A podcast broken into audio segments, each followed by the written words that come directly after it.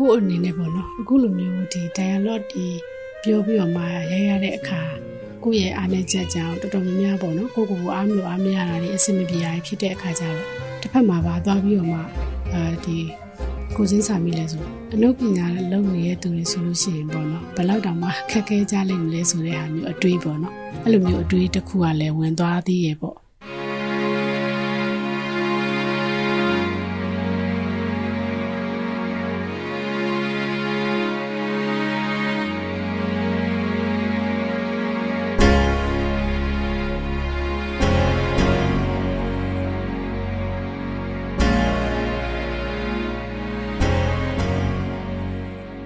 မင်္ဂလာပါခင်ဗျာမင်္ဂလာပါရှင်မြန်မာ Cinemability Network ကထုတ်လွှင့်တဲ့ရေရေမောမောပေါ်ပေါ်ပါပါ podcast အစီအစဉ်ကနေကြိုဆိုလိုက်ပါတယ်ဒီအစီအစဉ်ကမြန်မာလူမှုနယ်ပယ်မှာမတန်ဆွမ်းမှုအသိပညာတွေမြင့်တင်ပေးနိုင်ဖို့မတန်ဆွမ်းအတိုင်းဝိုင်းကဖြစ်ရဆုံးကဏ္ဍဆောင်ကို မတူညီတဲ့ရှုထောင့်ပေါင်းစုံကနေလွတ်လပ်ပွင့်လင်းတဲ့တွေးခေါ်ဆင်ခြင်နိုင်မှုတွေနဲ့မျှဝေလူကြားသူတွေရဲ့အတန်တွေကိုပြုစုပြောင်းထောင်ဖော်ထုတ်ပေးနေခြင်းဖြစ်ပါတယ်။ ဒီအစီအစဉ်ကိုအပတ်စဉ်စနေနေ့ည9:00နာရီတိုင်းကျမတို့ရဲ့ Facebook စာမျက်နှာနဲ့ anchor.fm/mca network တို့ကနေစောင့်မျှော်နားဆင်နိုင်မှာဖြစ်ပြီး Anchor ကနေအခြားသော Apple Podcast, Google Podcast, Spotify, Breaker တို့အပြင် MCA Network ရဲ့ YouTube Channel မှာလည်းတွားရောက်နားထောင်နိုင်ပြီဖြစ်ကြောင်းဦးစွာအသိပေးလိုပါတယ်။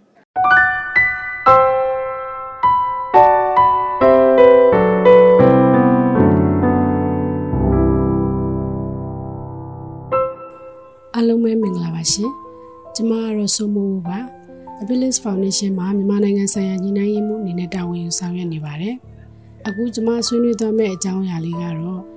ဒီကျမအနေနဲ့ပေါ့နော်မတန်ဆွမ်းသူတယောက်အနေနဲ့ဒီမတန်ဆွမ်းသူတွေနဲ့ပတ်သက်တဲ့အသိပညာပေးဇလန်းတိုတွေမှာပါဝင်ခဲ့တဲ့အကြောင်းအရာတွေနဲ့ပတ်သက်ပြီးတော့မှဆွေးနွေးသွားမှာဖြစ်ပါတယ်။နံပါတ်1အနေနဲ့ကတော့ 2012ခုနှစ်တုန်းကဒိုက်တာသမီးမြတ်ကျော်ရိုက်ကူးထားတဲ့ဘေးဖယ်မထားပါနဲ့ဇလန်းတူနဲ့2015ခုနှစ်မှာဒိုက်တာနွေးဆက်ကြီးဆိုရိုက်ကူးထားတဲ့ဖုံးမဖြတ်မဲတကတ်ပေါ့နော်ဒီဇလန်းတူနှစ်ခုမှာပါဝင်ခဲ့တဲ့အကြောင်းအရာတွေနဲ့ပတ်သက်ပြီးတော့မှအဓိကဆွေးနွေးသွားမှာဖြစ်ပါတယ်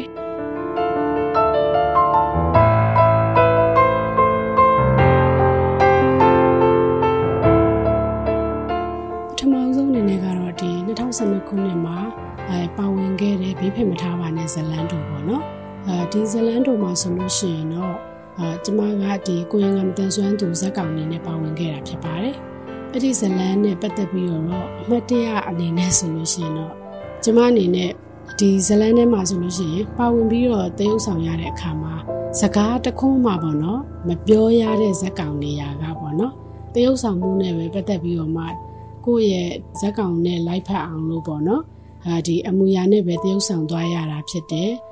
ဆိုတော့အဲ့ဒီလိုမျိုးဇက်ကောင်နဲ့ဝင်ပြီးတော့မှဟိုပါဝင်ခဲ့ရတာဖြစ်ပါတယ်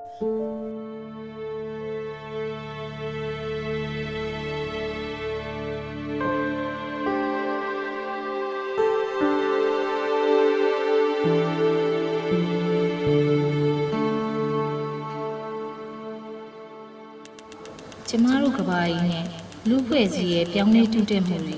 ဖွံ့ဖြိုးဝေစီမှုတွေကျွယ်ဝချမ်းသာမှုတွေတရားမျှတမှုနဲ့ငြိမ်းချမ်းပျော်ရွှင်မှုများ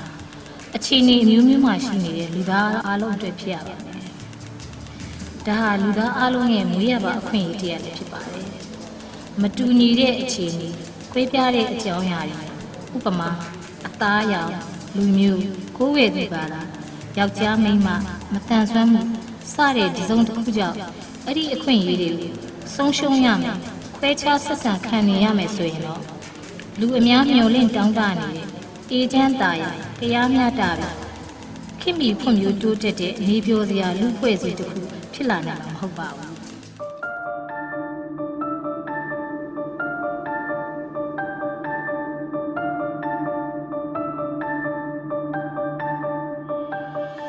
စားပိုင်းမှာတော့ဒီဟာနဲ့ပတ်သက်ပြီးတော့မှပါဝင်ဖို့ကျမအနေနဲ့အရန်စိတ်လှုပ်ရှားခဲ့ရပါတယ်။အဝတ်အစားတို့ဘာလို့ပြင်ဆင်တာကအစပေါ့နော်။ကိုနဲ့လိုက်ဖက်မဲ့အဝတ်အစားကိုမှရှိတဲ့ဟာတွေကနေပြီးတော့မှအကောင်းဆုံးဖြစ်အောင်ကိုယ့်ဘာသာကိုရွေးချယ်ရတယ်။အဲဒီအရောင်ဆိုလို့ရှိရင်တော့ကိုယ့်ရဲ့ character နဲ့လိုက်မလားအဝတ်စားတွေဆိုလို့ရှိရင်ရိုက်ကွေးကိုသွားတဲ့အခါမှာအပူတွေလည်းတည်သွားရတယ်ပေါ့နော်စသဖြင့်ပြင်ဆင်ရတာတွေရှိတယ်နောက်အမတ်တရားအနေနဲ့ဆိုလို့ရှိရင်တော့အဲ့ဒီအချိန်တော့ကကျမ အဲအတွက်ပေါ့နော်အလုပ်ရမ်းများတဲ့အချိန်ဖြစ်တယ်ပေါ့နော်အာဒီဂျပန်ကိုသွားဖို့အတွက်ပြင်ဆင်နေတဲ့အချိန်ပေါ့မတန်ဆွမ်းလူငယ်တွေအတွက်ဖွင့်ထားတယ်ပေါ့နော် Deskin ကောင်းဆောင်မှုမြင့်တင်ရေးသင်တန်းပေါ့အဲ့ဒီမှာ Deskin Leadership Training ကိုသွားဖို့အတွက်ကျမအသေးအတန်ပြင်ဆင်နေရတဲ့အချိန်မှာအဲတစ်ဖက်မှာလည်းပေါ့နော်ကိုမြန်မာနိုင်ငံမှာဒီမတန်ဆွမ်းသူတွေနဲ့ပတ်သက်ပြီးတော့မှထမအောင်ဆုံးရိုက်တဲ့ဒီဇလန်တို့လေးမှာဆိုလို့ရှိရင်လေကိုအနေနဲ့ကပါဝင်ခြင်းနဲ့ဆိုတော့အဲ ဒီအလုပ်တွေအများများနေတဲ့အချိန်နဲ့ဒီလိုမျိုးပါဝင်ခွင့်ရဖို့အတွက်ကိုတော်တော်လေးကိုမှအချိန်ပေးပြီးတော့မှကျမအနေနဲ့ပြင်ဆင်ခဲ့ရတာရှိပါတယ်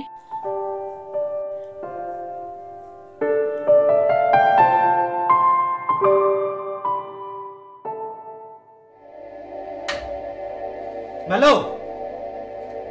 မလုံးညာအပြစ်တွေတော်တော်တိတ်များနေဗျာဒီတကားကိုဘာလို့သေချာပြန်မပိတ်တာလဲ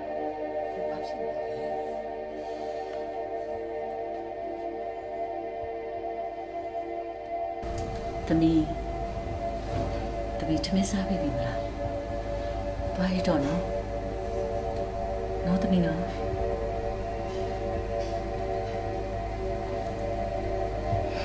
တော်တော်သမီးသားသွားရတော့နော်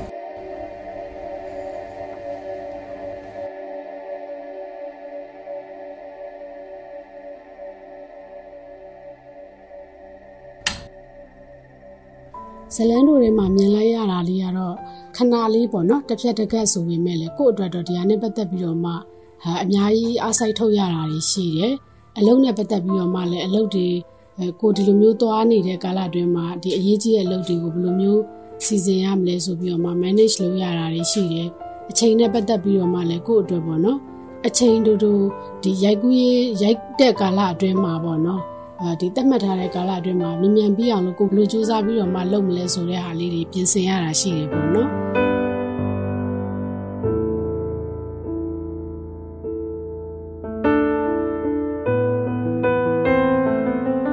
ကံကောင်းတယ်ပဲပြောရမလားတော့မသိဘူးပေါ့နော်ကျမရဲ့အကွက်တွေဆိုလို့ရှိရင်အဲဒီတခါတည်းနဲ့ပြီးသွားတယ်ပေါ့နော်အဲကျမထင်တာတော့စကားပြောရတဲ့အခန်းမပါတာလည်းပါမယ်လို့ထင်ပါတယ် စကားပြောရတဲ့အခန်းမပါဘူးဒီတရုပ်ဆောင်တာနဲ့ပဲပေါ့နော်အဲဒီဇက်ကောင်နဲ့လိုက်အောင်ကိုတရုပ်ဆောင်တာနဲ့ပဲပြီးသွားတယ်ပေါ့နော်ဆိုတဲ့ခါကျတော့အဲ့လိုမျိုးကြောင့်ပဲအဲမြန်နာပဲပြောရမလားတော့မသိဘူးပေါ့နော်ဒီဘေးဖက်မထားပါနဲ့ဇလန်တို့မှာဆိုလို့ရှိရင်တော့ကျမအချိန်တိုတိုအတွင်းမှာပေါ့နော်ဒီတရက်ထဲနဲ့ကိုယ့်ရဲ့ပါဝင်ရမယ့်ဇက်ကောင်နေရာကိုအပြီးရိုက်လိုက်နိုင်တယ်ပေါ့နော်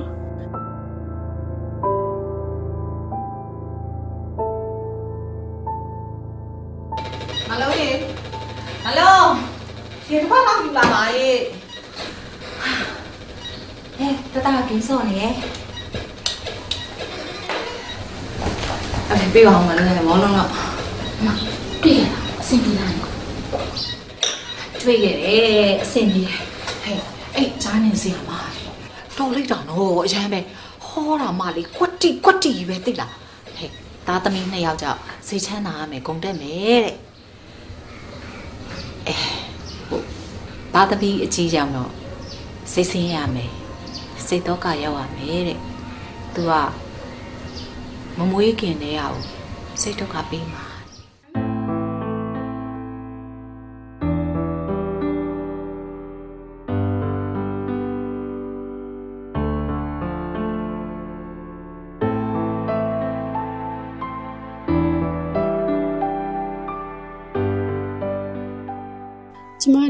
ပထမဦးဆုံးဖြစ်တဲ့အခါကျတော့အရန်စိတ်လှုပ်ရှားရတယ်ပေါ့နော်အရန်လဲကြောက်တယ်နောက်အနုပညာရှင်တွေနဲ့လည်းပထမဦးဆုံးတွေ့ရတဲ့အခါဖြစ်တဲ့အခါကျတော့တော်တော်လေးတော့စိတ်ပူခဲ့ရတယ်ပေါ့နော်ဒါပေမဲ့လည်းအားလုံးကပေါ့နော်လက်တွဲပြီးတော့မှခေါ်ကြတယ်တင်ပေးကြတယ်စိတ်ရှည်ရှည်နဲ့ပေါ့နော်အတူတူသွားတဲ့အခါမှာ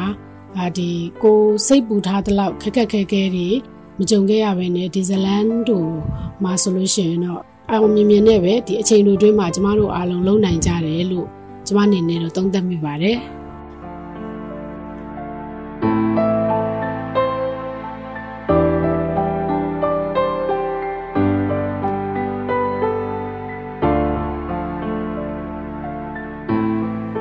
အမတ်တတ်တရအနေနဲ့ပေါ့နော်ဒီအနဲ့ပတ်သက်ပြီးတော့မှအမှတ်တရအနေနဲ့ပြောရမယ်ဆိုလို့ရှိရင်တော့အာဒီဇလန်းတို့ပြီးသွားတဲ့အခါမှာ TV မှာလည်းလွှင့်တာရှိရဲ့နောက်အဲကို့အိမ်ကိုဆိုလို့ရှိရင်လည်းအခွေတွေပါတယ် ပို့ပေးတယ်ပေါ့နော်ကိုကပို့ပေးတယ်အဲ့ခါမှာဆိုလို့ရှိရင်တော့ကျမရဲ့ဒီအဖိုးလုပ်တဲ့သူကပေါ့နော်အဲဒီဇလန်းတို့မှာကြတော့ကျမကတည်ပေးရတာကိုဆွဲခါကြတော့ဝမ်းနေလို့ပေါ့နော်စိတ်မကောင်းဖြစ်လို့နောက်ကိုယ့်ရဲ့အခန်းကိုရောက်လာရဲဆိုလို့ရှိရင် तू ကဒီဇလန်းတို့ဆိုရင်အမြဲတမ်းပေါ့လေနောက်ဆုံးကန်းကိုရောက်လာပြီဆိုလို့ရှိရင်ပိတ်ပြစ်တယ်ပေါ့နော်မကြည့်ဘူးပေါ့နော်ဟဲ့အဲ့လိုမျိုးလေးတွေပြန်ကြားရတာတော့ရှိရဲ့ပေါ့အဲဒါပေမဲ့ ကိုယ့်ရွာတွေကရွာတွေကလူတွေနောက်တငယ်ချင်းတွေပေါင်းတင်နေနေနဲ့ဆိုလို့ရှိရင်တော့ TV မှာလာတိုင်းကိုပေါ့နော်တကူတကဖုံးဆက်ပြီးတော့မှသတင်းချက်လက်ပေးကြတယ်အဲ TV မှာနေဇလန်လာနေတယ်စသဖြင့်ပေါ့နော်ဝမ်းသာအားရနဲ့ငါတို့တွေအပြင်မှာမတွေ့ရပေမဲ့လည်း TV ထဲမှာတွေ့ရတယ်စသဖြင့်ဝမ်းသာအားရနဲ့ပြောကြတာမျိုးရှိတယ်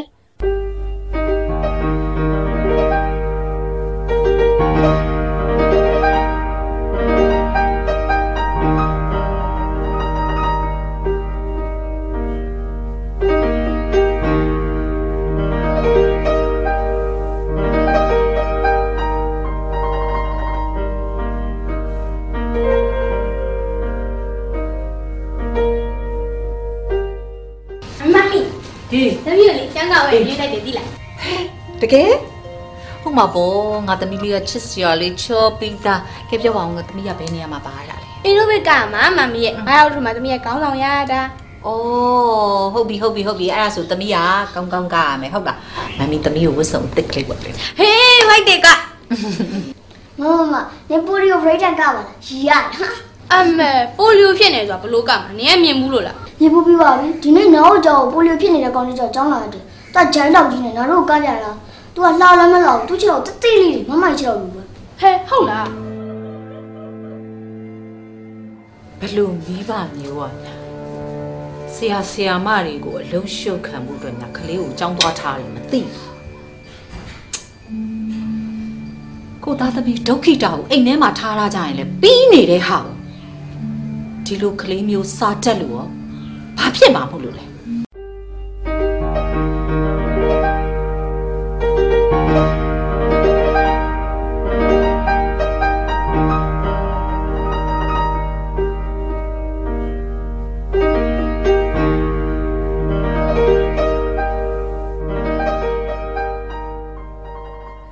နောက်တစ်ခုကတော့ဒီကျမတို့မသက်ဆွမ်းသူတွေနဲ့ပတ်သက်ပြီးတော့မှပေါ့နော်အသိပညာပေးသင်တန်းတွေလုပ်တဲ့အခါမှာဆိုလို့ရှိရင်လေဒီဇလန်လေးကအတိုင်းအတာတစ်ခုထိအသုံးဝင်တဲ့အနေအထားလေးတွေတော့တော်တော်များများတွေ့ရတယ်ပေါ့နော်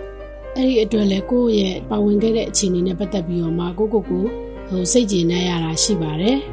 နောက်သင်တန်းတွေပေးတဲ့အခါမှာဆိုလို့ရှိရင်လေတစ်ခါတရံမှာအဲဒီကိုယ့်ရဲ့ဇလန်ကိုကိုယ့်ဘာသာကိုပြပြီးတော့မှတစ်ခါတခါဒီအသိပညာပေးသင်တန်းမှာသုံးရတဲ့အခါမျိုးတွေလည်းရှိရပေါ့နော် အဲ့ခါမျိုးမှာဆိုလို့ရှိရင်ဒီအစာပိုင်းတော့ဒီဇလန်ထဲမှာပါတဲ့သူကဘယ်သူမှတင်းတန်းသားတွေအနေနဲ့ပေါ့နော်ဘယ်သူမှမသိပေမဲ့နောက်ပိုင်းတစ်ဖြည်းဖြည်းသိလာတဲ့အခါမှာကျတော့သူတို့ရဲ့စိတ်ဝင်စားမှုကပိုပြီးတော့မှမြင့်လာတာလေးတွေတွေ့ရတယ်။နောက်ဒီမိကုန်းနေဆိုလို့ရှိရင်လည်းပိုပြီးတော့မှပေါ့နော်စိတ်ဝင်စားနဲ့ဒီမေးလာတဲ့အပိုင်းလေးတွေတွေ့ရတယ်။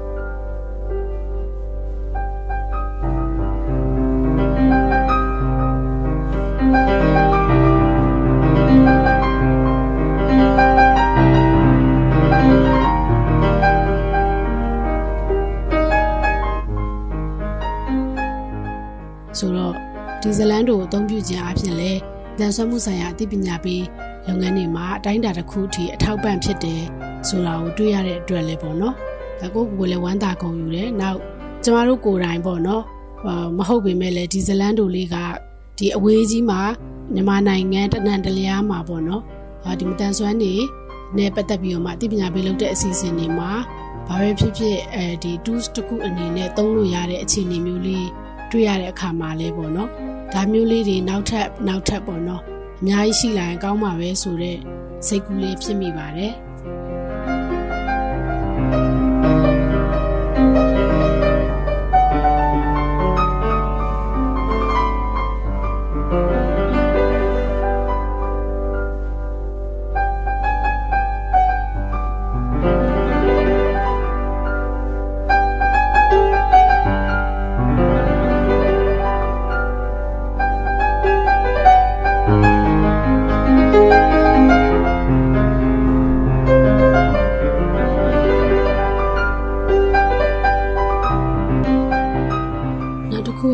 အနေနဲ့ပေါ့နော်အခုလိုမျိုးဇလန်းတို့မှာပါဝင်ခွင့်ရခြင်းအပြင်ဘာခံစားရလဲဆိုတော့အမ်ငါတို့မတန်ဆွမ်းတဲ့သူတွေလည်းပေါ့နော်အခုလိုမျိုးဒီလိုမျိုးအမှုပညာအလုပ်တွေလုံးလို့ရတာပဲဆိုတဲ့အတွေ့တစ်ခုပေါ့နော်အတွေ့တစ်ခုပေါ်သွားတယ်နောက်ကိုဆိုလို့ရှိရင်လည်းဒီငငယ်လေးကလေးอ่ะပေါ့နော်ဘယ်လိုပြောမလဲအမှုပညာနဲ့ပတ်သက်ပြီးတော့ဆိုလို့ရှိရင်တချင်းဆိုတာဝါသနာပါတယ်နောက်ဒီအမှုပညာနဲ့ပတ်သက်ပြီးတော့မှကိုကိုကိုပေါ့နော်ဟိုဘယ်လိုပြောမလဲ တခုခုလေးဒီလုံနေခြင်းနဲ့ဆိုတဲ့အတွေ့မျိုးလေးပေါ့နော်အဲ့လိုမျိုးလေးဖြစ်မိတယ်ကို့အတွက်ကတော့အဟိုအရင်ကဆိုရင်တော့ကိုကအင်းငါဒီလိုမျိုးအနုပညာလုပ်တင်နဲ့ပတ်သက်ပြီးတော့မှဘာလုပ်လို့ရလဲဆိုတွေးလိုက်ရင်တော့အဲဒီတချင်းဆိုတာပဲလုပ်လို့ရတယ်ပေါ့ကိုကိုထင်မိတယ်ပေါ့နော်အာနောက်ကိုကတချင်းဆိုတာကိုသဘောကျပေမဲ့လေကိုကိုတိုင်းကလည်းအရင်အဲဒီလိုမျိုးဟိုကျွမ်းကျင်တဲ့အနေအထားမျိုးကြီးပေါ့နော်ဆိုတတ်တယ်လို့တော့မဟုတ်ဘူးနောက်အဲ့လိုမျိုး ဟိုဒီဇိုင်းမဲ့စူးစမ်းဖို့ကြလဲကိုယ့်ရဲ့ဘဝဘေးအခြေအနေအရအဆင်ပြေမနေခဲ့ဘူးပေါ့နော်ဆိုတဲ့အခါကျတော့အာဒီဒီလိုမျိုးဇလန်းတိုလေးမှာပါဝင်ခွင့်ရခြင်းအပြင်ကိုကိုကိုလည်းယုံကြည်မှုတစ်ခုပိုရှိသွားစေတယ်။ဘာလဲဆိုတော့ငါဒီလိုမျိုးပေါ့နော်ဇလန်းတိုမှာပါဝင်ခွင့်ရလိုက်ပါလား။ငါရဲ့ဒီဇလန်းတိုကဒီတနိုင်ငံလုံးမှာဟိုချပြခွင့်ရပါလားဆိုတဲ့အတွေးမျိုးပေါ့နော်။အဲ့လိုအတွေးမျိုးရသွားတယ်။နောက် ကိုကိုကိုလည်းပေါ့နော်စိတ်ကြည်နဲ့ရတယ်ပြီးလို့ရှိရင်ကိုကိုကိုလည်းဒီအမှုပညာနဲ့ပတ်သက်ပြီးတော့ပေါ့လေလောက်ခွင့်ရလိုက်တယ်ဆိုတဲ့ခံစားချက်ပေါ့နော်အဲအဲ့ဒီခံစားချက်ပီတိလည်းအဲ့ဒီချိန်တုန်းကခံစားရတာပေါ့နော်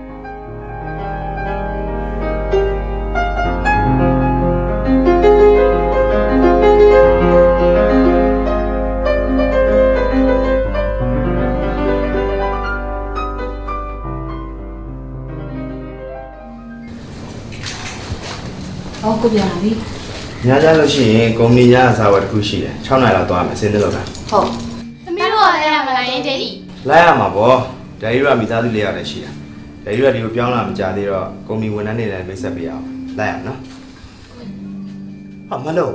ခမရကိုချမ်းရှိရပန်းဝဲခွဲတွေရှင်းခိုင်းတာဘာကြောင့်မရှင်းသေးတာလဲ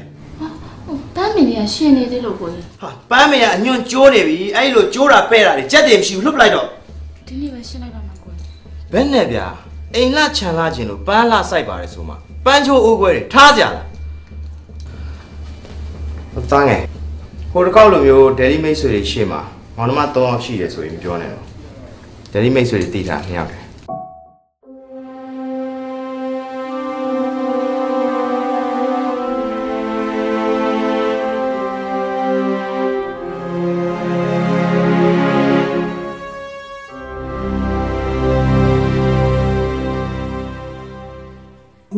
က်ကိုလုံးချင်တဲ့ဒီအနုပညာနဲ့ပတ်သက်ပြီးတော့မှတချင်းဆိုတာတခုတည်းတင်မဟုတ်ဘဲနဲ့ပေါ့နော်ဒီလိုမျိုးတွေလည်းအဲပါဝင်လို့ရပါလားဆိုတဲ့အတွေ့အမျိုးဖြစ်တယ်နောက်မတန်ဆွမ်းသူတွေလည်းပေါ့နော်ဒီဒိုက်တာသမီးမြတ်ကျော်ကိုယ်တိုင်မတန်ဆွမ်းသူဖြစ်တဲ့ခါကျတော့ဒီအန်တီလုံနေတဲ့ဟာတွေကြည့်ပြီးတော့လေကိုက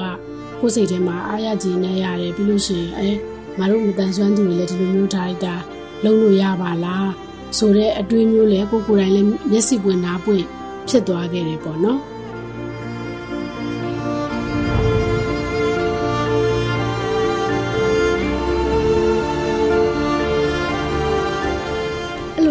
ဆက်ထဲမှာပဲပေါ့နော်နောက်ထပ်ပေါ့လေဒီလိုမျိုးအမှုပညာနဲ့ပတ်သက်ပြီးတော့မှကိုယ်မှာပေါ့နော်လေအဲဒီအခွင့်အရေးတွေလမ်းမိလာတဲ့အခါတိုင်းမှာကိုယ့်ရဲ့တန်ဆွမ်းညီကောင်မနှမတွေကိုကိုမျှဝေပေးဖြစ်တယ်ဖြန့်ဝေပေးဖြစ်တယ်ပေါ့နော်သတင်းချက်လက်တွေဆိုရင်အဲသူတို့ပါဝင်လို့ရမယ့်နေရာဒီပကြီးပြပွဲဆိုလို့ရှိရင်လည်းပကြီးပြပွဲစသဖြင့်ပေါ့နော်တန်ဆွမ်းသူတွေအတွက်အခွင့်အရေးရတာနဲ့ကိုချိတ်ဆက်ပေးဖြစ်တယ်ပေါ့နော်အထူးသဖြင့်ဒီလက်လန်းမမီတဲ့သူတွေကိုဆိုရင်ပို့ပြီးတော့မှကိုယ့်ရဲ့ အဲဒီ contact ထဲမှာတိကျမှတ်ထားဖြစ်တယ်ပြီးလို့ရှိရင်သူတို့ကိုဘယ်လိုမျိုးချိတ်ဆက်ပေးရမလဲအခွင့်အရေးရလာတာနဲ့ဘယ်လိုချိတ်ဆက်မလဲဆိုတဲ့ဟာမျိုးတွေကို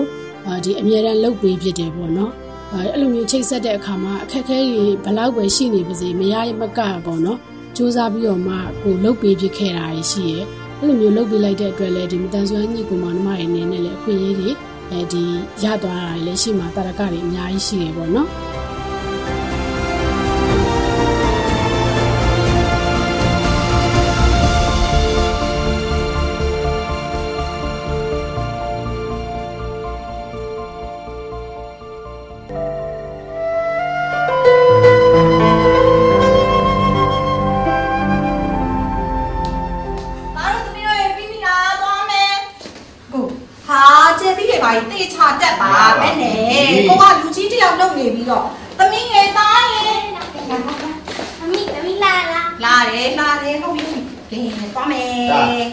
ဒေးပါမမေး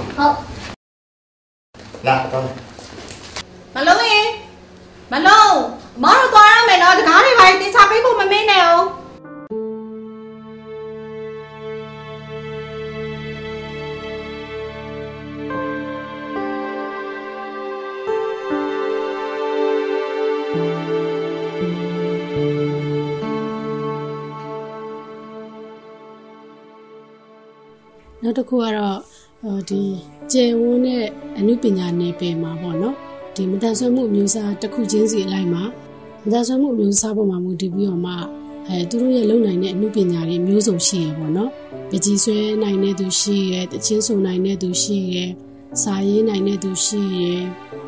နောက်ဖိုတိုမော်ဒယ်လုပ်ချင်ကြတဲ့သူတွေရှိရပေါ့နော်စသဖြင့်ပေါ့မတူညီတဲ့ မတူညီတဲ့စွမ်းရည်တွေမတန်ဆွမ်းသူတွေတိုင်းမှာရှိကြရပေါ့နော်ဒီအမှုပညာဝါသနာပါတဲ့မတန်ဆွမ်းသူတွေအနေနဲ့ဆိုလို့ရှိရင်လေသူတို့ရဲ့စိတ်ပါဝင်စားရာအာတန်ရာပေါ့နော်လုံးလို့ရတာတွေအများကြီးရှိရဲဆိုတဲ့ဟာလဲကိုယ့်အနေနဲ့တွေးမိတယ်ပေါ့နော်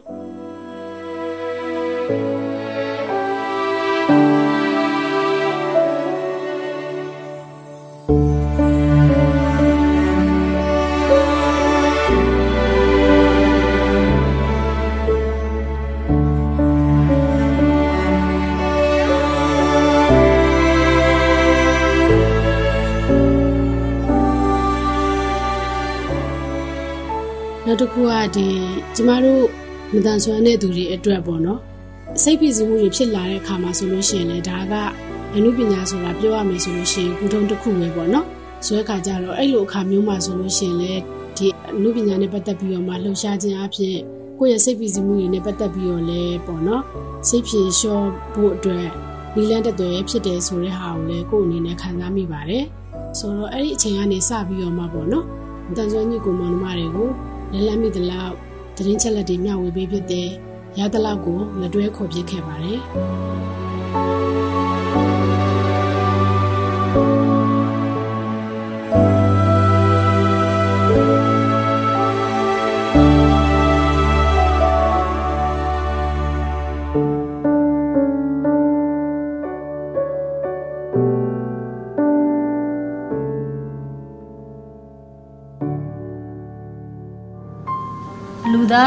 ဖြစ်အများနည်းတူမွေးဖွားလာခဲ့ပေမယ့်မိသားစုရဲ့ခွဲခြားမြင်တဲ့ဆက်ဆံမှုလွဲမှားစွာလွန်ကဲရှက်ကြောက်ပြီးလစ်လူရှုဖြစ်ပယ်ထားတာကြောင့်မွေးရပါမတန်ဆွမ်းကလေးငယ်တူရဲ့ဘဝဟာကမ္ဘာလောကကြီးရဲ့လှပမှုတွေနေရောင်ကြီးရဲ့နှွေးထွေးမှုတွေတင်းပြန့်တဲ့လေပြေပန်းရနံ့လွတ်လပ်ပျော်ရွှင်မှုတွေနဲ့အတူရတောင်ရကြီးလှတဲ့လူဘဝကြီးကိုပါ လက်လွတ်ဆုံးရှုံးပြီးသွားရတဲ့အဖြစ်ဟာခြေခွဲပဲရပါလိမ့်ရှင်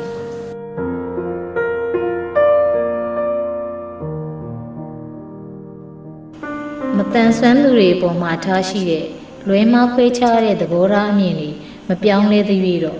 အခုလိုရင်နာခြေခွဲစရာအဖြစ်မျိုးတွေဟာလူလောကကြီးမှာအများကြီးရှိနေကြအောင်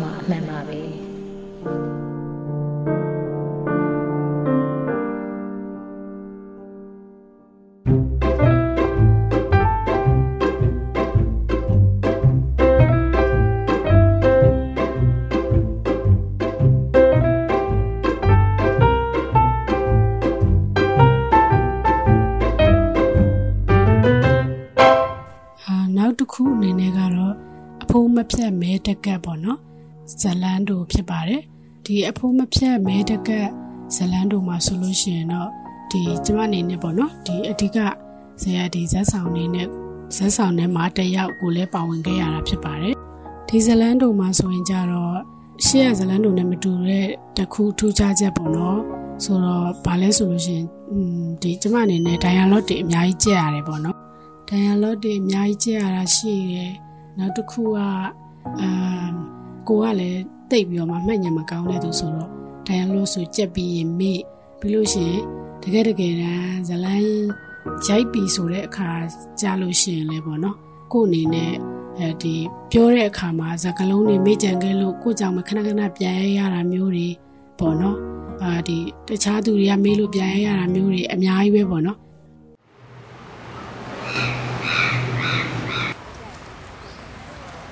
ဟ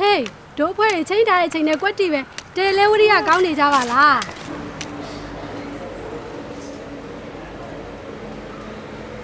ဟဲမသိနင်မျက်နှာလည်းမကောင်းပါလားနင်သိပ်မကောင်းလားငါကောင်းပါတယ်ကိုပြည့်ပေါ်ဟာကိုပြစ်ပါဖြစ်လို့လဲ။ तू ကမဲပေးတဲ့ကိစ္စသူကိစ္စမဟုတ်ဘူးလေ။အဲ့ဒါငါသူ့ကိုခေါ်လို့မရဘူးဖြစ်နေတယ်သူမအားလို့လားဟဲမဲရုံကညနေ4နာရီထိဖွင့်အောင်မှာပါဟာနင်ကတေချာမရှင်းပြဘူးလားဟဲ။ ငါလည်းရှင်းပြပါတယ်။ဒါပေမဲ့ तू ကသူ့မနဲ့ထင်အရန်ကောင်းပါလေလေ။ငါကဗာများစောရကတက်လို့ရမှာလဲ อืมဒါဆိုဒီလိုလုပ်ရအောင်လေငါတို့အခုသူ့ကိုခဏဝင်တွေးလိုက်ရအောင်ပြီးမှမဲရုံဆက်သွားကြတာပေါ့နော်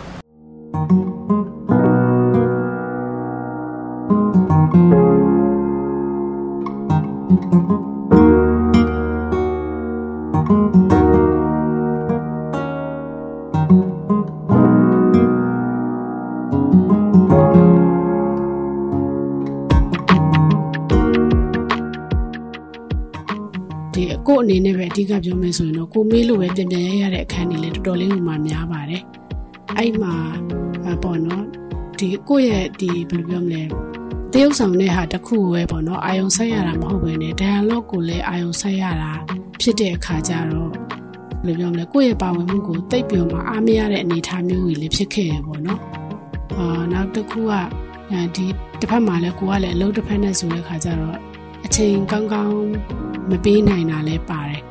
အဲဒါဒါမှလိုက်တယ်ဒါဒါတေချာဖက်လာခဲ့တေချာလေးကျင်လာခဲ့ပြောပေမဲ့လည်းပေါ့နော်ကို့အနေနဲ့တစ်ဖက်မှာလည်းအလောက်ကရှိနေတဲ့အခါကျတော့အဲ့ဒီဘိုင်းတွေမှာတေချာမလုပ်သွားနိုင်ခဲ့တာလည်းရှိရယ်အဲ့လိုမျိုးကောင်းကောင်းပေါ့နော်တေတေချာချာမလုပ်သွားနိုင်လို့လည်းမေ့တဲ့အပိုင်းတွေလည်းတော်တော်များများဖြစ်တာပေါ့နော်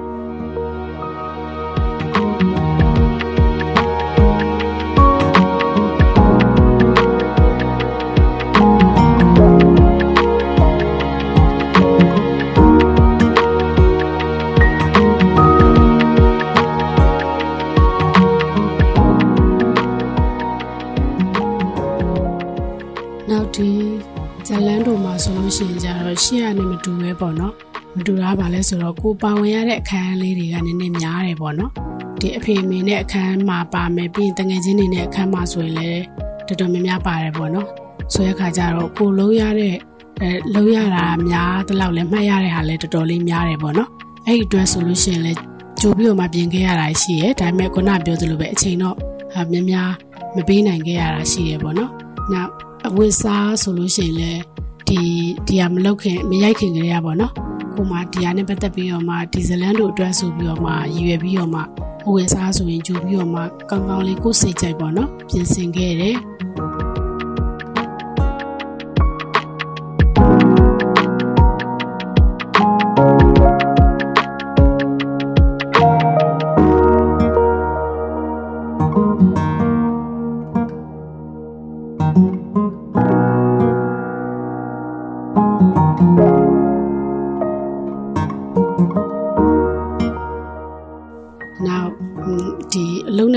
လုံးနဲ့ပတ်သက်လို့ဆိုရင်လည်းအဲကြိုပြီးတော့မှလောက်ခဲ့ကြိုပြီးတော့မှပြင်ခဲ့တယ်အဲ့ဒီကြားထဲကနေကိုမှနောက်ကိုယ့်ရဲ့အားနည်းချက်ကတော့ခုနပြောသလိုပဲတိတ်ပြီးတော့မှ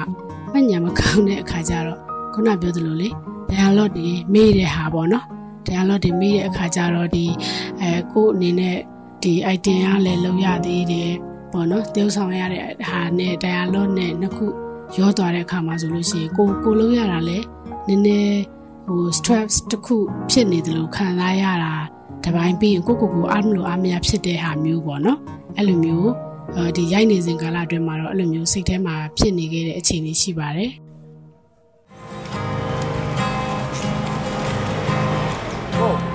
ကိုပြစ်ဘာလုပ်နေရလဲပိုရီမေးမနေပါနဲ့ဟာလိုင်းကိစ္စကိုတာပြော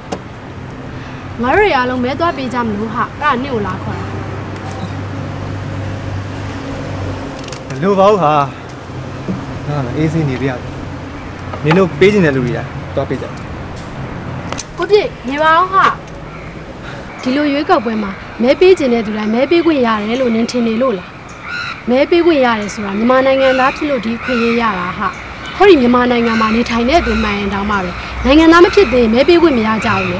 နင်ကရောမြန်မာနိုင်ငံသားမဟုတ်လို့မဲမပေးချင်တာလားပြောဟေးနင်ပြောသလိုငါမြန်မာနိုင်ငံသားဟုတ်တယ်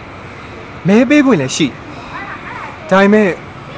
ငါလိုမတန်ဆွမ်းတယောက်ကပေးတဲ့မဲတပြားနဲ့ဘာများထူးခြားခြားဖြစ်လာမှာမဟုတ်လို့လေအချိန်တိုင်းရင်ရှုံးတဲ့သူကရှုံးမယ်နိုင်တဲ့သူကနိုင်မယ်ဟေးငါလည်းငါပဲဖြစ်နေဦးမှာပဲလေမဟုတ်လား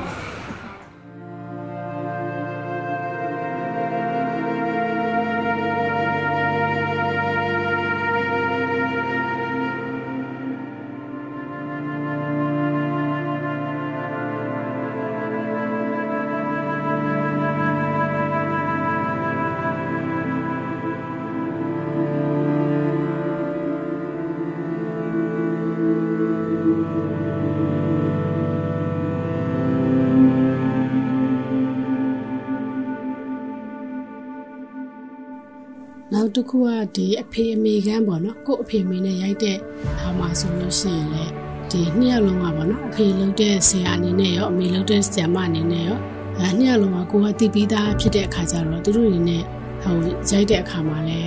ကို့အနေနဲ့တော့ဒီအရင်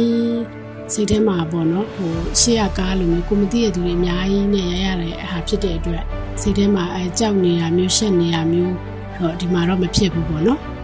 ဒီထဲမှာပါဝင်ပြီးတော့မှရိုက်ကြတဲ့သူတွေအကုန်လုံးကကိုယ့်ရဲ့တငယ်ချင်းပေါင်းတင်နေဟုတ်ဒီမိတ်ဆွေတွေဟုတ်တယ်ပေါ့နော်သူတို့တွေနဲ့အတူတူရိုက်ရတာဖြစ်တဲ့အတွက်အဲတစ်ဖက်မှာတော့အဲဒီအရန်ကြီးစိတ်ထဲမှာစိတ်ပူပန်နေတဲ့ဟာမျိုးတော့ကိုယ့်အနေနဲ့တိတ်မရှိဘူးပေါ့နော်တိတ်မရှိဘူးဒီက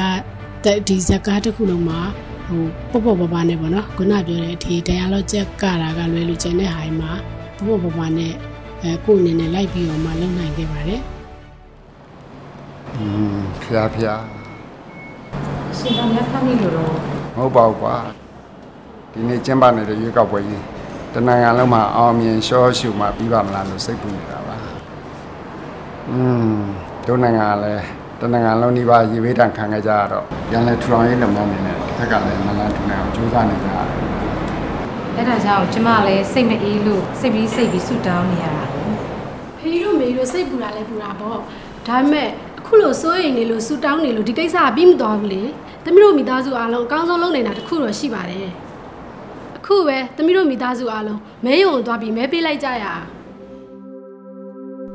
တန်သူတို့များစွာမြင့်တဲ့နိုင်ငံသည်စီမတန်သူတို့များမေဘီချာမီနိုင်ငံသည်စီ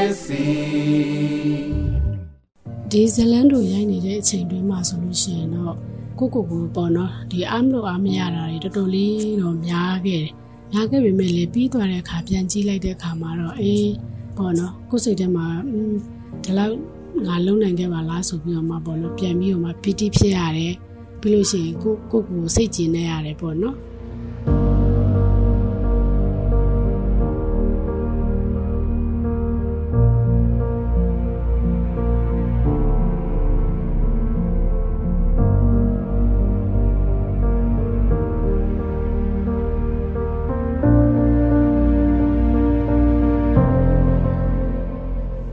ဇလန်တို့မှာဆိုရင်လည်းခုနကလိုပဲပေါ့နော်အင်း TV မှာလွှင့်တဲ့အခါမျိုးမှာဆိုလို့ရှိရင်ကိုယ့်ရဲ့ဒီအပေါင်းအသင်းတွေတငယ်ချင်းတွေမိကိုရွာကတငယ်ချင်းတွေလှမ်းပြီးတော့မှဇလန်တို့အလွင့်ပြီးဆိုရင်လှမ်းပြီးတော့မှပြောပြောကြတယ်ပေါ့နော်ဖုန်းဆက်ပြီးတော့ဒီမှာနစ်ဇလန်လာနေပြီဟလားစသဖြင့်အဲ့လိုမျိုးလှမ်းပြီးတော့မှပြောကြတာရှိရယ်နောက်ဒီမှာကကြတော့တခုကဒီအချိန်မှာကြတော့ဖုန်းတွေလည်းပေါ့နော်လူတိုင်းလူလူကင်နိုင်နေကြပြီဖြစ်တဲ့အခါကျတော့ အဲတော်တော်များများလည်း online မှာလည်းတချို့ကကြလည်းတွေးကြတာလည်းရှိတာကိုอืมကို့အနေနဲ့ဒီအပြင်သွားရင်တောင်မှပဲပေါ့နော်တော်တော်များများအဲ့လိုမျိုးဟိုတည်နေပြီးသားအနေအထားမျိုးတွေဖြစ်နေရပေါ့နော်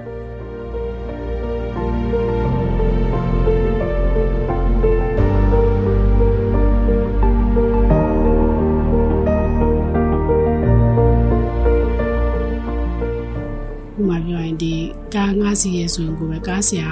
ကအဲဟိုတလုံးက အဲဒီမှာလွင့်သွားတဲ့ထဲကဇလန်းနဲ့ရလားဆိုပြီးတော့မှကိုယ်မေးတဲ့ဟာမျိုးတွေရှိရဲနောက်ပြီးလို့ရှိရင်တခြားနေရာတစ်ခုခုကိုသွားပြီဆိုလို့ရှိရင်လေဒီဇလန်းတို့ရဲ့ညီမလေးလားဆိုပြီးတော့မှလာလာပြီးတော့မှမေးကြတာရှိရဲပေါ့နော်အဲဒီဇလန်းမှာတော့အဲ့လိုမျိုးအခြေအနေလေးတွေအပြင်ထွက်တဲ့အခါမှာအဲ့လို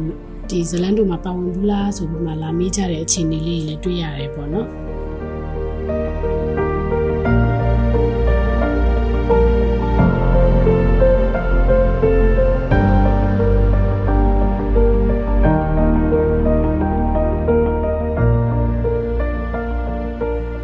ဇလန်တို့မှာဆိုရင်တော့ကျမတို့အထီးကပေါ့နော်မဲပေးတာနဲ့ပတ်သက်ပြီးတော့မှရိုက်ကူးတဲ့ဇလန်တို့ဖြစ်တဲ့အခါကျတော့ဒီဇလန်တို့မှာဆိုရင်လည်းအဲ့လိုပဲတော်တော်များများနေရာတွေကိုအချိန်တိုလေးတွင်းမှာဒီဇလန်ကပြန့်သွားရပေါ့နော်ပြန့်သွားတာဖြစ်တယ်နောက်ဇန်စွမ်းသူတွေအတွက်ဆိုလို့ရှိရင်လည်းတော်တော်လေးကိုတစ်ဖက်တစ်လမ်းနေပြီးတော့မှအထောက်အကူဖြစ်တဲ့ဇလန်တို့လေးတစ်ခုဖြစ်ခဲ့တယ်ပေါ့နော်နောက်ဒီမဲပေးတာနဲ့ပတ်သက်ပြီးတော့မှအသိပညာပေးဇလန်တို့တွေထဲမှာဆိုလို့ရှိရင်လည်းကျမတို့အဲဒီ ဇလန်တို့လေးကပထမအဦးဆုံးဖြစ်တယ်ပေါ့နော်ပထမအဦးဆုံးဖြစ်မယ်လို့ယုံကြည်တယ်အဲ့လိုနဲ့ဒီနောက်ပိုင်းမှာတဖြည်းဖြည်းနေပေါ့နော်ဒါနဲ့ပတ်သက်တဲ့ဇလန်တို့လေးပို့ပြီးတော့မှများလာတာလည်းတွေ့ရတယ်ပေါ့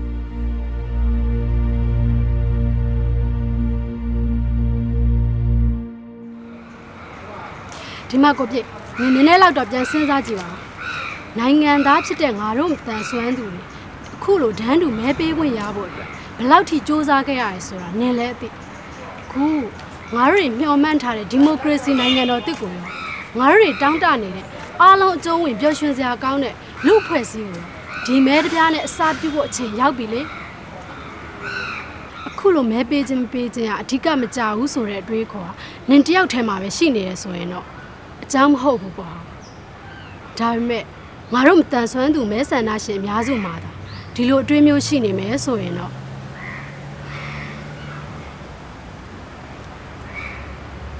ငါတို့တွေကမတန်ကြပေမဲ့တို့တွေရဲ့အသေးကြမဲတပြားဒီမိုကရေစီနိုင်ငံတော်အတွက်အစွမ်းထက်ကြောင်ပြကျင်တယ်ဆိုရင်တော့နင်ဒီနေ့မဲယုံမဲသွားထည့်ပြအောင်ထည့်လိုက်ပါ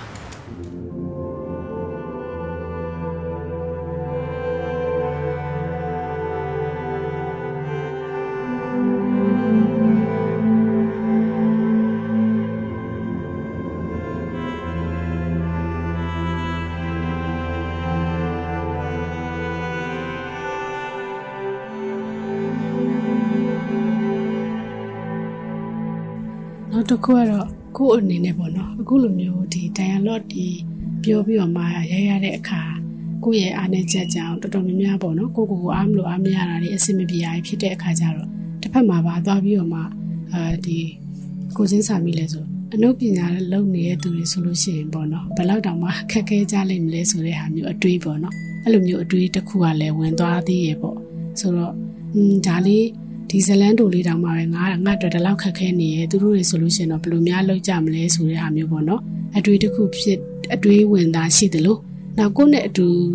ပါဝင်ပြီးတော့မှတုပ်ဆောင်တဲ့တငယ်ချင်းတွေအနေနဲ့ကြလဲလွယ်လွယ်ကူကူဖြစ်နေပြန်ရောဆိုတော့သူတို့ကြည့်ပြီးတော့လဲကိုကအားကြရပြန်နေပေါ့နော်ဟဲ့သူတို့ကြတော့လဲလွယ်လွယ်လွယ်ကူလိုက်တာပေါ့ဒါဒီစကားကိုပဲပြောသွားတဲ့ဟာကိုပဲတခါတည်းနဲ့ကိုပြီးသွားတာပဲပေါ့နော်ငါကြာကမှဘယ်လိုဖြစ်လို့များထက်ခါထက်ခါပြန်လုံနေရလဲပေါ့နော်စသဖြင့်အဲ့လိုမျိုးအတွေ့ရလဲ ဒါတပြိုင်တည်းမှာဖြစ်ခဲ့ဘူးတယ်ပေါ့နော်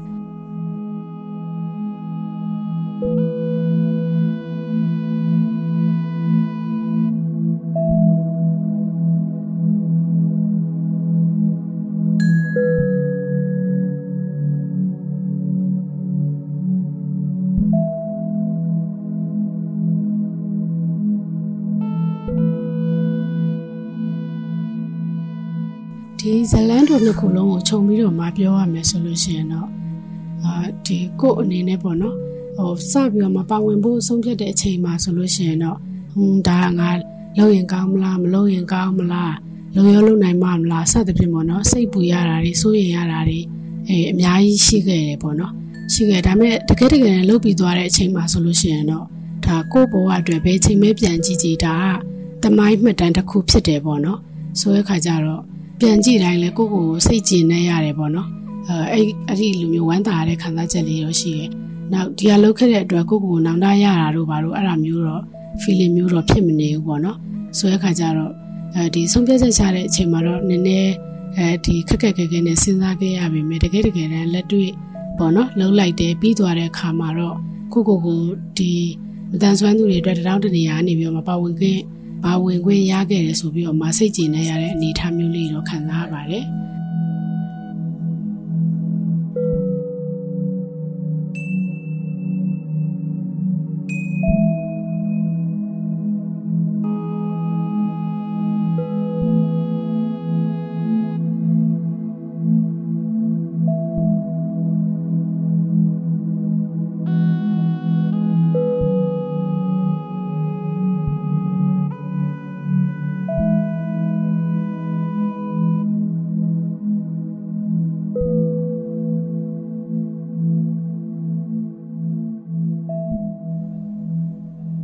ဆက်တစ်ဆက်ထဲမှာပဲပေါ့နော်အဲဒီအနုပညာနယ်ပယ်မှာ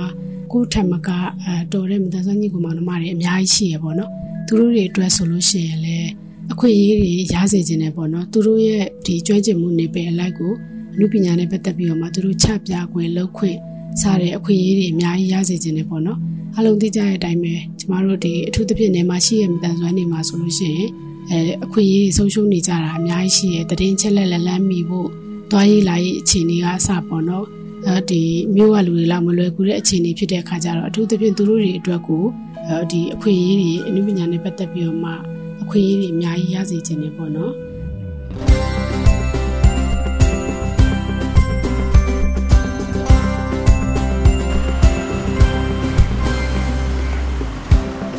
စိမ့်လန်းတဲ့မှာပြီ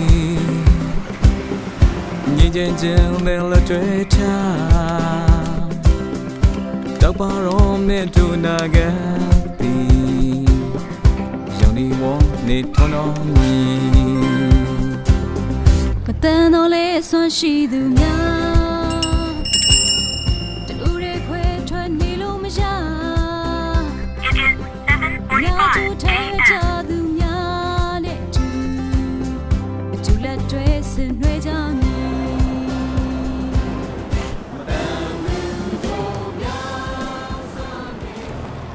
ဒီ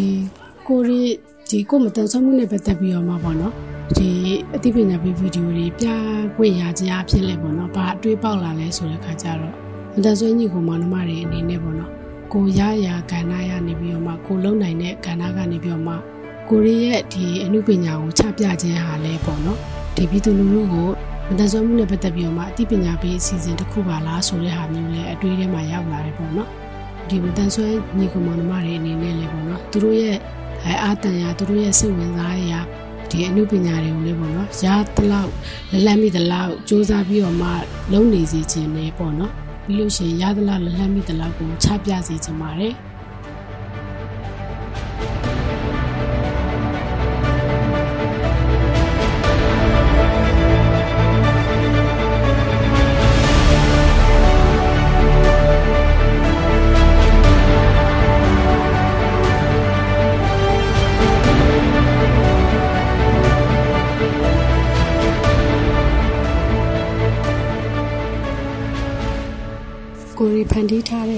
ပညာတွေကိုကိုကိုယ်တိုင်ချပြတာပို့ပြီးမှအရသာရှိရေပေါ့နော်အဲဒီဇလန်တို့တခုဆိုလို့ရှိရင်ဒီဇလန်တို့ရဲ့အဲရေးတာကဘယ်သူရေးတယ်ဟလာဒါရိုက်တာကဘယ်သူဟလာအဲဒီပါဝင်သေးဆောင်ကြတဲ့သူတွေကလည်းမတန်ဆွမ်းသူတွေစသဖြင့်ပေါ့နော်ကိုမတန်ဆွမ်းတွေကိုဖန်တီးထားတဲ့အနည်းပညာတွေကိုချပြရတဲ့အခါမှာပို့ပြီးတော့မှတန်ဆွမ်းမှုနဲ့ပတ်သက်ပြီးတော့မှအသိပညာပေးလုပ်ငန်းတွေလုပ်တဲ့အခါမှာပို့ပြီးတော့မှထိရောက်တယ်ဒါကြောင့်မို့ပေါ့နော်တန်ဆွမ်းညီကောင်မောင်နှမတွေအနေနဲ့လည်းဒီအနုပညာနဲ့ပတ်သက်ပြီးတော့မှ ကိုနိုင်တဲ့ကဏ္ဍကနေလူမျိုးအနုပညာတွေချပြခြင်းအားဆိုလို့ရှိရင်လည်းကိုရီးယားဆွမ်းဆောင်နိုင်မှုတွေကိုချပြခြင်းတစ်မျိုးပဲဖြစ်ပါတယ်လို့အားပေးချင်ပါတယ်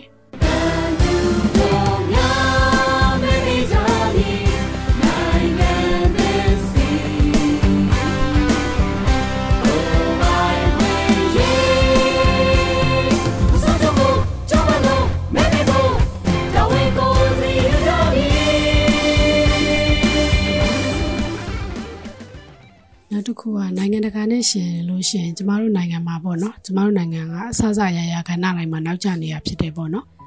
အဲဒီအခြေအနေရရက်ကိုဆိုလို့ရှင်လဲသူများတွေချပြတဲ့အနေအထားမျိုးတဲ့ကိုယ်မတန်ဆွမ်းနေကိုယ်တိုင်းချပြတဲ့အနေအထားမျိုးကပို့ပြီးတော့မှ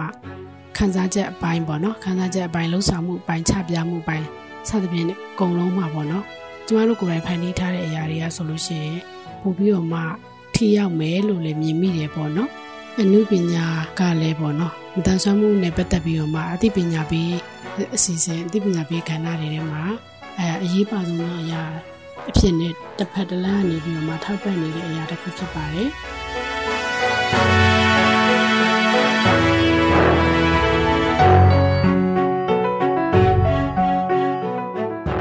ဒီကုန်းချုပ်အနေနဲ့ကတော့ကျမတို့ပေါ့နော်ဘုရားပြောသလိုပဲ ဒီအမှုပညာဖန်တီးမှုလက်ရာတွေကဆိုရင်လေမတန်ဆွမ်းမှုနဲ့ပတ်သက်ပြီးတော့မှအသိပညာပေး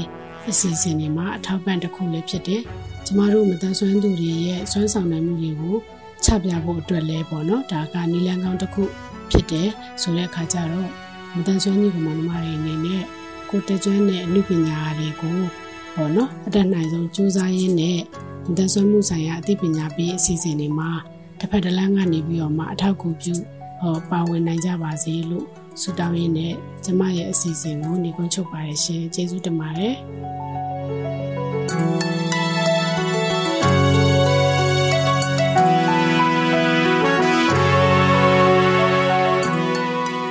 ဒီစီစဉ်ကိုမိတ်ဆွေတို့အနေနဲ့အစအဆုံးနားထောင်ပြီးပြီဆိုရင်တော့မိမိတို့ရဲ့သဘောထားမှတ်ချက်များကို Anchor မှာအတန်နဲ့စာနှမျိုးလုံးနဲ့ဖြစ်စေ Facebook မှာစာနဲ့တပ်ပုံနှမျိုးလုံးနဲ့ဖြစ်စေပေးနိုင်ပါပြီနော် ဒီစီစဉ်နဲ့ပတ်သက်ပြီးမိတ်ဆွေတို့ရဲ့မှတ်ချက်ပေးခြင်းအကြံဉာဏ်ပေးခြင်းမေးမြန်းခြင်းတို့ကိုလည်းအထူးပဲဖိတ်ခေါ်ပါရစေမိမိတို့ရဲ့ပူးပေါင်းတင်ဆက်မှုအတွက်ဒါမှမဟုတ်စုံစမ်းမေးမြန်းမှုအတွက်မြန်မာ cinemability@gmail.com ဒါမှမဟုတ်တင်ဆက်သူများရဲ့ Viber နံပါတ်များဖြစ်တဲ့ကိုပြေ39 26125649နဲ့မနွေ39 941559899တို့ကိုဆက်သွယ်ဆောင်ရွက်နိုင်ပါတယ်။ မိတ်ဆွေတို့အနေနဲ့ဒီအစီအစဉ်ကိုမတိသေးသူများတိဖို့လိုအပ်နေသူများမတန်ဆွမ်းရေးကိုမိမိတို့ရဲ့လုပ်ငန်းခွင်အသီးသီးမှာထည့်သွင်းဆောင်ရွက်ဖို့စိတ်ပါဝင်စားသူမိသူကိုမဆိုထက်ဆင့်ဝေမျှပေးရင်တဲ့တရင်ကောင်းပါနိုင်ပါတယ်မြန်မာပြည်သူပြည်သားအားလုံးမတန်ဆွမ်းမှုအသိပညာတွေတိုးပွားကခွဲခြားဆက်ဆံမှုကင်းပြီးအားလုံးစုံဝင်တဲ့လူမှုအတိုင်းအဝန်တစ်ခုကိုအမြန်ဆုံးဖော်ဆောင်နိုင်ပါစေလို့ဆန္ဒပြုရင်းဒီကနေ့အစည်းအဝေးကိုဒီမှာရင်ရနာပါရစေ။။ နောက်ပတ်စနေနေ့ည9:00နာရီမှာပြန်ဆောင်ကြရအောင်နော်။